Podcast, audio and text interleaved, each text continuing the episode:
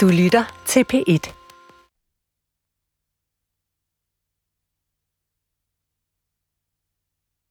Mm, se Jens, jeg tror ikke det er forkert, når jeg siger, at lærerne, de ventede noget af dig. I dag er du korrekturlæser. Det er ikke fordi, der er noget ondt i at være korrekturlæser, men det var i hvert fald ikke det, du stilede imod.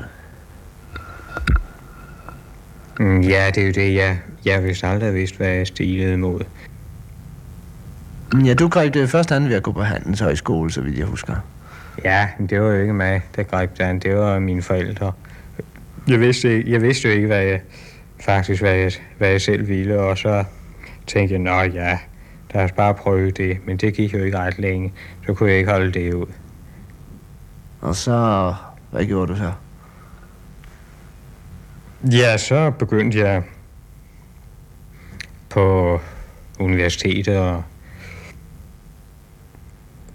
at studere FL's litteratur, som, som jeg altid, eller øh, som øh, betød noget for mig. Jeg gik og til nogle forelæsninger og, og læste sådan lidt i ny og næ madlæs. Jeg, jeg kunne ikke øh, koncentrere mig om det. Så holdt det op på den måde, at jeg blev, blev indkaldt som soldat. Mm, Men da du så kom tilbage fra militæret, der tog du jo ikke litteraturen op igen. Nej, jeg, jeg, jeg havde spekuleret jo på, hvad jeg skulle, da jeg kom hjem. Men jeg synes alt andet er rosenrød. Bare det at blive fri for, for den forbandede uniform. Det var så vidunderligt. Men øh, så kort tid efter jeg kom hjem, så med ren tilfældighed fik jeg en kontorplads. Og det følte jeg mig lykkelig ved. Der var ikke noget med, at man skulle fremvise resultater som på universitetet. Det er nok noget væsentligt ved mig. Der er noget, noget inde i mig, der er bange for, for ikke at kunne svare til forventningerne. Men nu læser du korrektur. Nu læser jeg korrektur, ja, det er ikke, det er ikke nervearbejde. Og det, det er forholdsvis en kort arbejdstid. Så kan man, når man kommer hjem, beskæftige sig med det, der betyder noget. Ja, det er kone og barn. Ja, det, det er først og fremmest øh, barnet. Det er blevet mit øh, store holdepunkt. Jeg synes, det er, det er noget af det vidunderligste, når ens lille dreng lægger sin hånd øh, en til en. Jeg husker, der, der er netop en... Ja, det er eksyberi, der har sagt, at når man har et ansvar, så kan man ikke helt fortvivle. Men det er jo heller ikke den eneste værdi i livet. For, for mig, der er... Ja, der er så mange værdier. Jeg, har- jeg har... Mm, jeg har snarere haft alt for mange interesser for så kunst, det altså kunst, litteratur og kunst og musik, det, det er, er dødelig alvor for mig. Det er noget, jeg ikke kan undvære. Lige så det som at, at spise og sove. Så vil jeg sige før, jeg ville gerne skabe noget. Og så er der jo heldigvis den abstrakte musik, hvor man ikke behøver at forme det i ord. Og der har jeg jo min fløjte. Den, den spiller jeg på tit.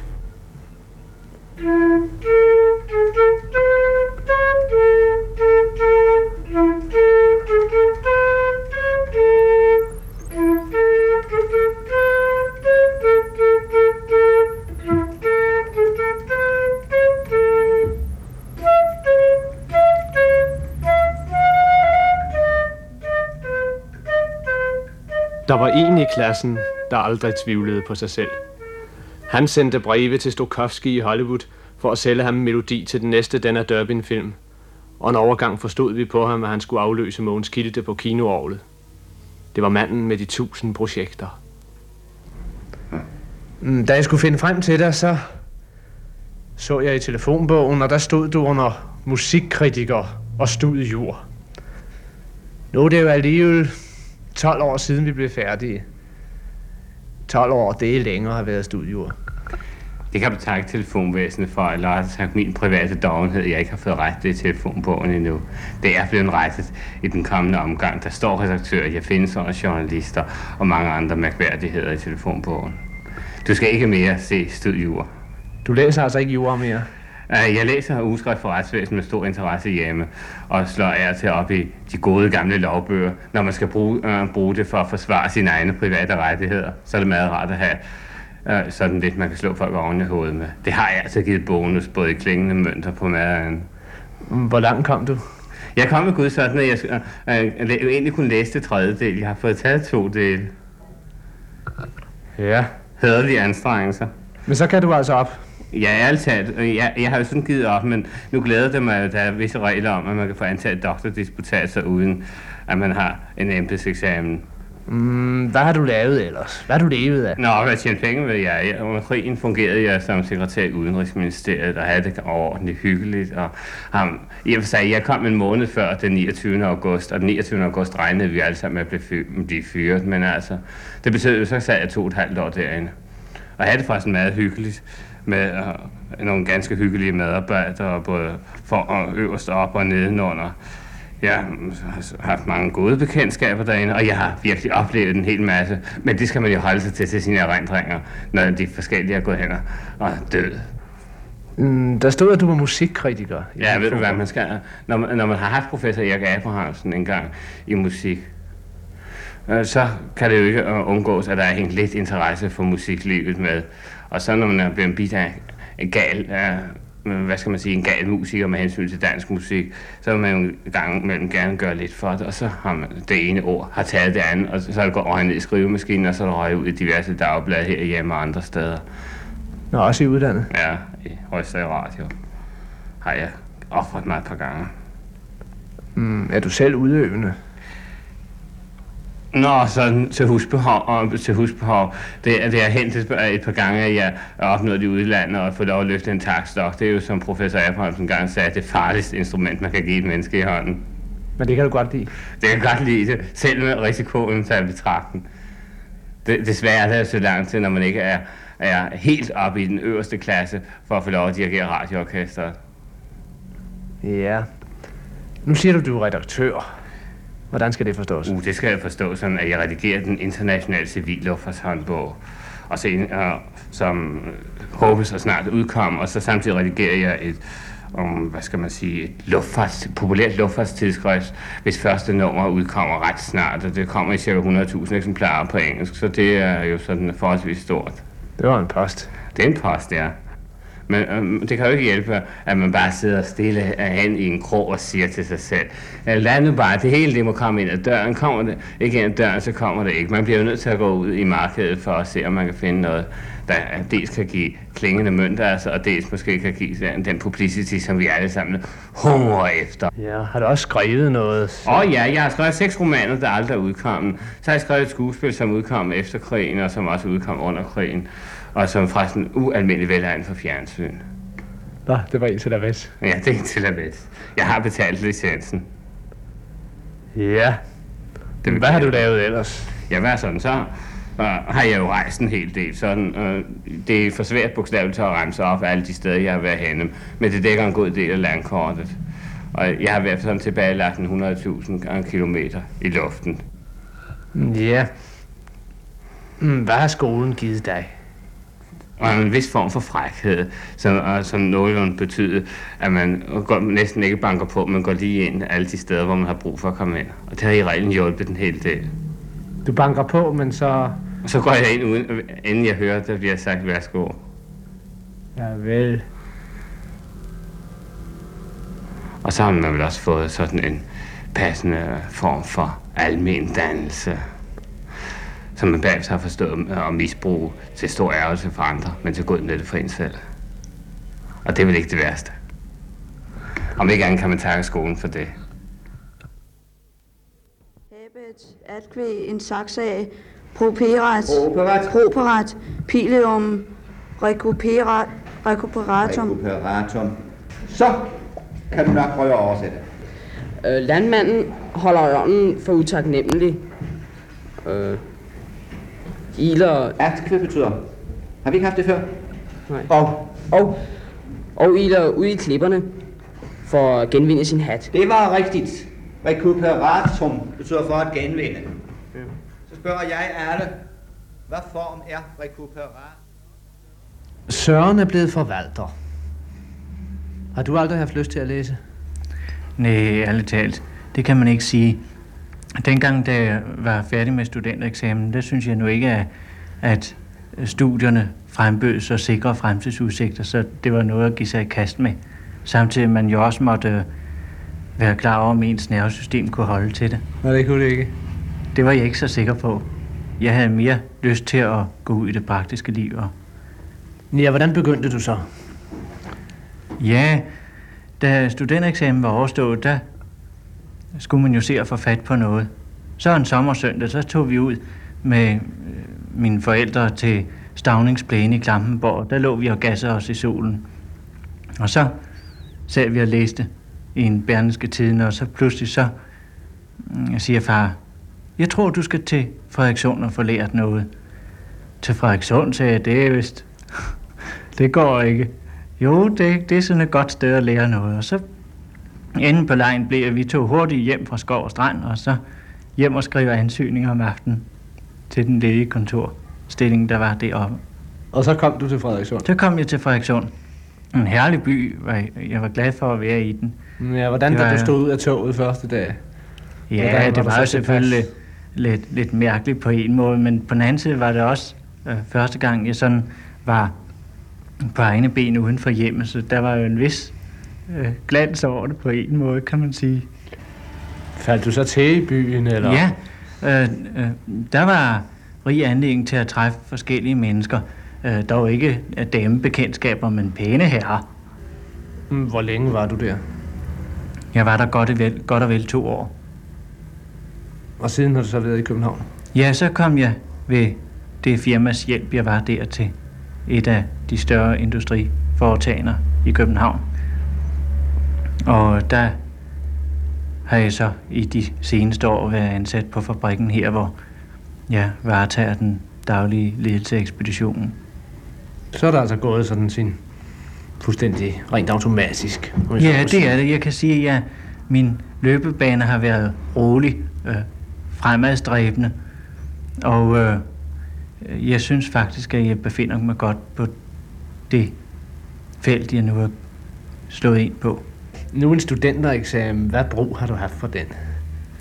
Ja, man kan jo ikke sige, at man har haft øh, den, øh, den glæde, at som de fleste har en studentereksamen, men jeg mener, at min studentereksamen, den har været til nytte i det, den har givet øh, øh, eller uddybet grundlag for en vis kultur og en, en vis disciplin og kultiverethed, kan man sige. Hvordan læser du noget? Ja, om aftenen, når man kommer hjem i den lille fritid, der er. Ja, Ja, du skal arbejds- vel tidligt op. ja det er halv seks hver morgen. Ja, hvornår er du så hjemme? Ja, så er jeg hjemme, øh, når den er cirka 6. Samtidig det endda senere. Og hvornår skal du så i seng? Ja, halv 10, 10, det er da det allerseneste. Ellers kan man ikke komme op igen den næste dag klokken halv seks og være kvik. Så har du også sådan øh, en tre timer sammen med din kone. Ja, det er endda dårligt nok, for man skulle også gerne høre pressens radioavis og aktuelt kvarter. Men så er der også der, men det vil min kone nu ikke høre, så hun finder der netop, at han kærkommende anledning til at vaske op imens. Ja. Så først begynder aftenen, når, når aktuelt kvarter er overstået. Hvad laver du så? Ja, så har jeg forskellige hobby, blandt andet... Ja, det er rigtigt. Jeg kom pludselig at tænke på, hvorfor du ikke kom ind ved statsbanerne? Jeg kan huske i skolen, øh, baner, det var det, der interesserede dig mest. Du kunne en masse togtider uden ad, og du lavede planer for hele stationer. Ja, det har altid haft min interesse. Men øhm, øh, nu kom jeg altså i mellemtiden ind i det andet der, og så, så glippede det. Men så på den anden side, så øh, har jeg så netop i, i min hobby kunnet beskæftige mig med mange af de ting. Blandt andet er turisme efterhånden blevet til en hobby for mig. Og hvordan dyrker du så turisme fra klokken 19.15 til 21.30? Det er ved læsning af forskellige turistlektyrer. Jeg har haft en bog, bladet af Hirtsholmenes historie, øer, som man normalt ikke ja, kender noget til, og det er ganske interessant at, vide, hvad der foregår sådan et sted, og hvordan befolkningen er. Har du andre og hvert sted er det. Ja, der er anholdt i fortid og nutid, og forskellige bøger om ja, Aarhus bys historie gennem tiderne. Og når du så kommer derover i din sommerferie, Så opsøger man netop de bygninger og de gader og, de steder, hvor man, som man har læst om og som man har følt sig tiltrukket af. og din kone træsker hun trolig med? Eller skal Det gør hun på altid. Jeg er så lykkelig at have en kone, som gerne vil, vil med omkring og se de forskellige. Selvom trætheden jo samtidig kan melde sig hos hende før end hos mig. Vi var en hel del i klassen, der begyndte at studere jura, og sådan noget som halvdelen af os gennemførte det. Men hvorfor var der så mange, der ville gå den vej? Var det en trang til at øve retfærdighed? Jeg spurgte Erik om det. Han er sagfører fuldmægtig og sekretær i et ministerium. Ja, alene den omstændighed, at man havde valgt øh, af det sproglige, øh, studie, øh, sproglige gren af gymnasiet, det havde jo på forhånd til en vis grad afstukket hanserne for ens valg. Og øh, således er altså ingeniører og til for så vidt også i et vist omfang lægestudiet var, ikke var nærliggende at vælge. Og øh, de yderligere overvejelser, man gjorde sig, det var vel nærmest betinget af, eller til en vis grad betinget af, at, øh, at der ikke inden for ens interesseområde var noget, man følte sig direkte tiltrukket af i, i, i de mulige studieretninger. Således at, at man kan både nok sige, at, at hvad der ikke alene gælder for mig, men for mangfoldige andre af ens øh, jævnaldrende og, og i det hele taget folk, der vælger det juridiske studium. Der var det denne negative metode.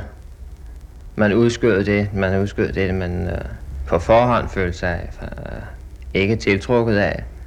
Og øh, der blev jeg altså så juraen tilbage, og øh, så man kastede sig over og, og øh, også fandt interesse for efterhånden, som man har fordybet sig i, i, i studiet. Og, og, og, Øh, Hvad ville du være, dengang du var 14 år? da jeg var 14 år, ærligt talt, jeg husker det ikke. Jeg husker det ikke. Du ved jo godt, at jeg er forholdsvis øh, nøgtern type. Jamen, jeg, jeg sådan hengav mig til fantasterier. Det har jeg nu ikke gjort.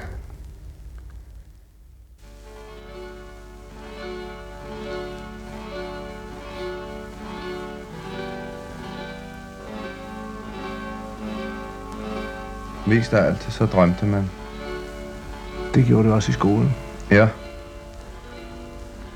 Det tør jeg nok antyde. Jeg tror ikke, jeg bestilte mad andet. Og er der noget, lærere ikke forstår, så plejer det at være drømmere. Ja, det havde jeg også en tydelig fornemmelse af. Jeg havde en fornemmelse af, at jeg var... At jeg var absolut sidste sortering i skolen. En, øh, en udenfor, altså en, en, en fejl, en fejlfarve, som det hedder med cigar. Jeg ved, jeg var et meget sky barn, altså jeg, jeg, jeg havde meget lidt tillid til øh, omgivelserne. Det kommer sikkert også af, altså. Ja, man kan sige det sådan, jeg, jeg, jeg havde meget lidt tillid til, at de ville vise mig tillid. Måske har jeg gået rundt mod skolene, usikker på mig selv. Men det bliver altså betragtet som et, et tegn på luskethed eller uærlighed. Hvad der selvfølgelig stadigvæk forøgede min skyhed, når jeg følte mig under mistanke. Ja, du forlod skolen før os andre. Ja, fra skolen kom jeg en kort tid i Gartner. Ud hos en gartner. En handelsgartner, hvor jeg gik og puslede lidt. Det var vel chance for, at jeg skulle sove mig, altså det var mine forældre, der ordnede det. Så var jeg lidt ude at sejle. Og en koldbåd. Og så kom, så kom jeg i forbindelse med en redaktør herinde i byen for et blad. Og det blev til, at jeg blev engageret som journalistelev. Og øhm, der var jeg så et års tid, og fik mægtig vind i sejlene. Pludselig var der nogen, der troede på mig og sådan noget. Jeg fik en masse ros og så videre. Men, øh, men øh, det kan være, at jeg bliver rost for meget. At jeg kommer over i den anden grøft. Jeg lærte også for lidt derinde, for det var et blad, hvor de altså ikke havde elever. Efter nogen tid, så måtte jeg altså ud i provinsen og lære os af redaktøren. Det kom jeg imidlertid ikke, fordi man kunne ikke få stilling derude dengang. Og så gik jeg nogle år, skrev en digtsamling, var lidt assistance, hister her på kontor og så videre. Man gik egentlig mest og så på solskinnet og skrev lidt. Og Ja, hvad levede du så af? jeg boede hjemme. Af dine forældre, altså? Ja, det gjorde jeg. Så for at vise min gode vilje nærmest tog jeg på landet på en bondegård i høsten. Jeg var der et par måneder, og det var en, faktisk en streng tid, men jeg ville blive der, fordi jeg trængte altså til det, det mærkede jeg. Og der kan mere fik jeg ret hurtigt en stilling på en ny stor københavneravis. Og øh, her gik det faktisk rask opad. og det kulminerede med, at jeg blev sendt udenland som korrespondent, og da jeg kom hjem, der var der meget begejstring, kan, kan jeg godt sige. Fordi det nu, nu betyder det ikke så meget for mig mere, men altså, det gjorde det faktisk heller ikke dengang. Men jeg, jeg fik uhyre meget ros, og faktisk også succes på mine artikler. Og jeg fik tilbudt en bedre stilling derinde, og redaktøren sagde til mig, at, at uh, mit liv ville blive fuld af rejser. Uh, jeg ville at jeg ville øh, drive det meget højt som journalist. Han sagde direkte, at jeg ville blive verdensjournalist. Det var selvfølgelig også meget, men... Men sådan sagde han altså. Men det var som om, det ikke betød spor for mig. Jeg kan huske, mens han sagde det, så sad jeg og smilede. Jeg ved egentlig ikke, hvad... Jeg sad bare og smilede underligt træt til ham. Og det undrede han sig også over. Og en måned efter tog jeg min afsked. Jeg beholdt stadigvæk lidt ved bladet, som jeg kunne sende ind. Og så rejste jeg til Norge og boede alene i en hytte oppe i fjellene. Vil du skrive, eller? Ja, det gjorde jeg også. Og siden da, der har jeg oversat, skrevet, hister her og Ja, nu har du jo fået dit eget bondehus heroppe Ja. i Nordsjælland. Og så er du blevet gift.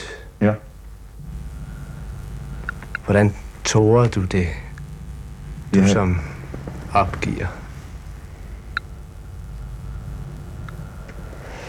Jeg har nok opgivet mad, men jeg føler alligevel en ganske bestemt ryggrad i mit liv. Selvom jeg egentlig ikke endnu er blevet med den bevidst helt.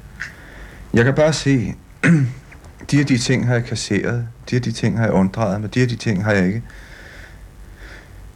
kunne være i. Jeg måtte væk.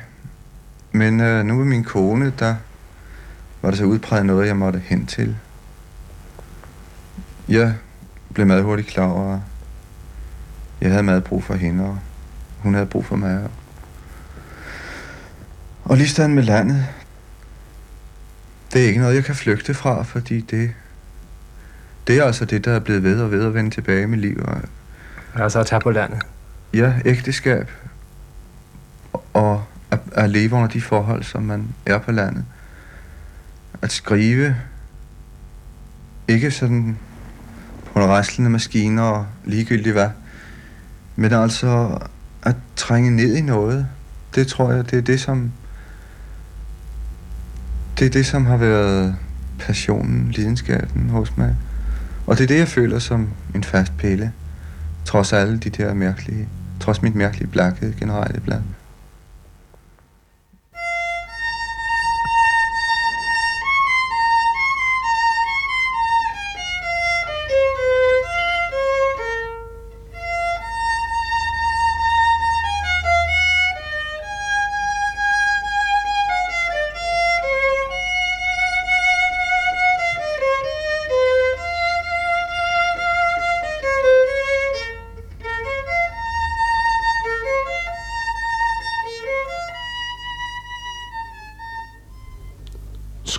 Skolen fik sat et præg på os alle sammen.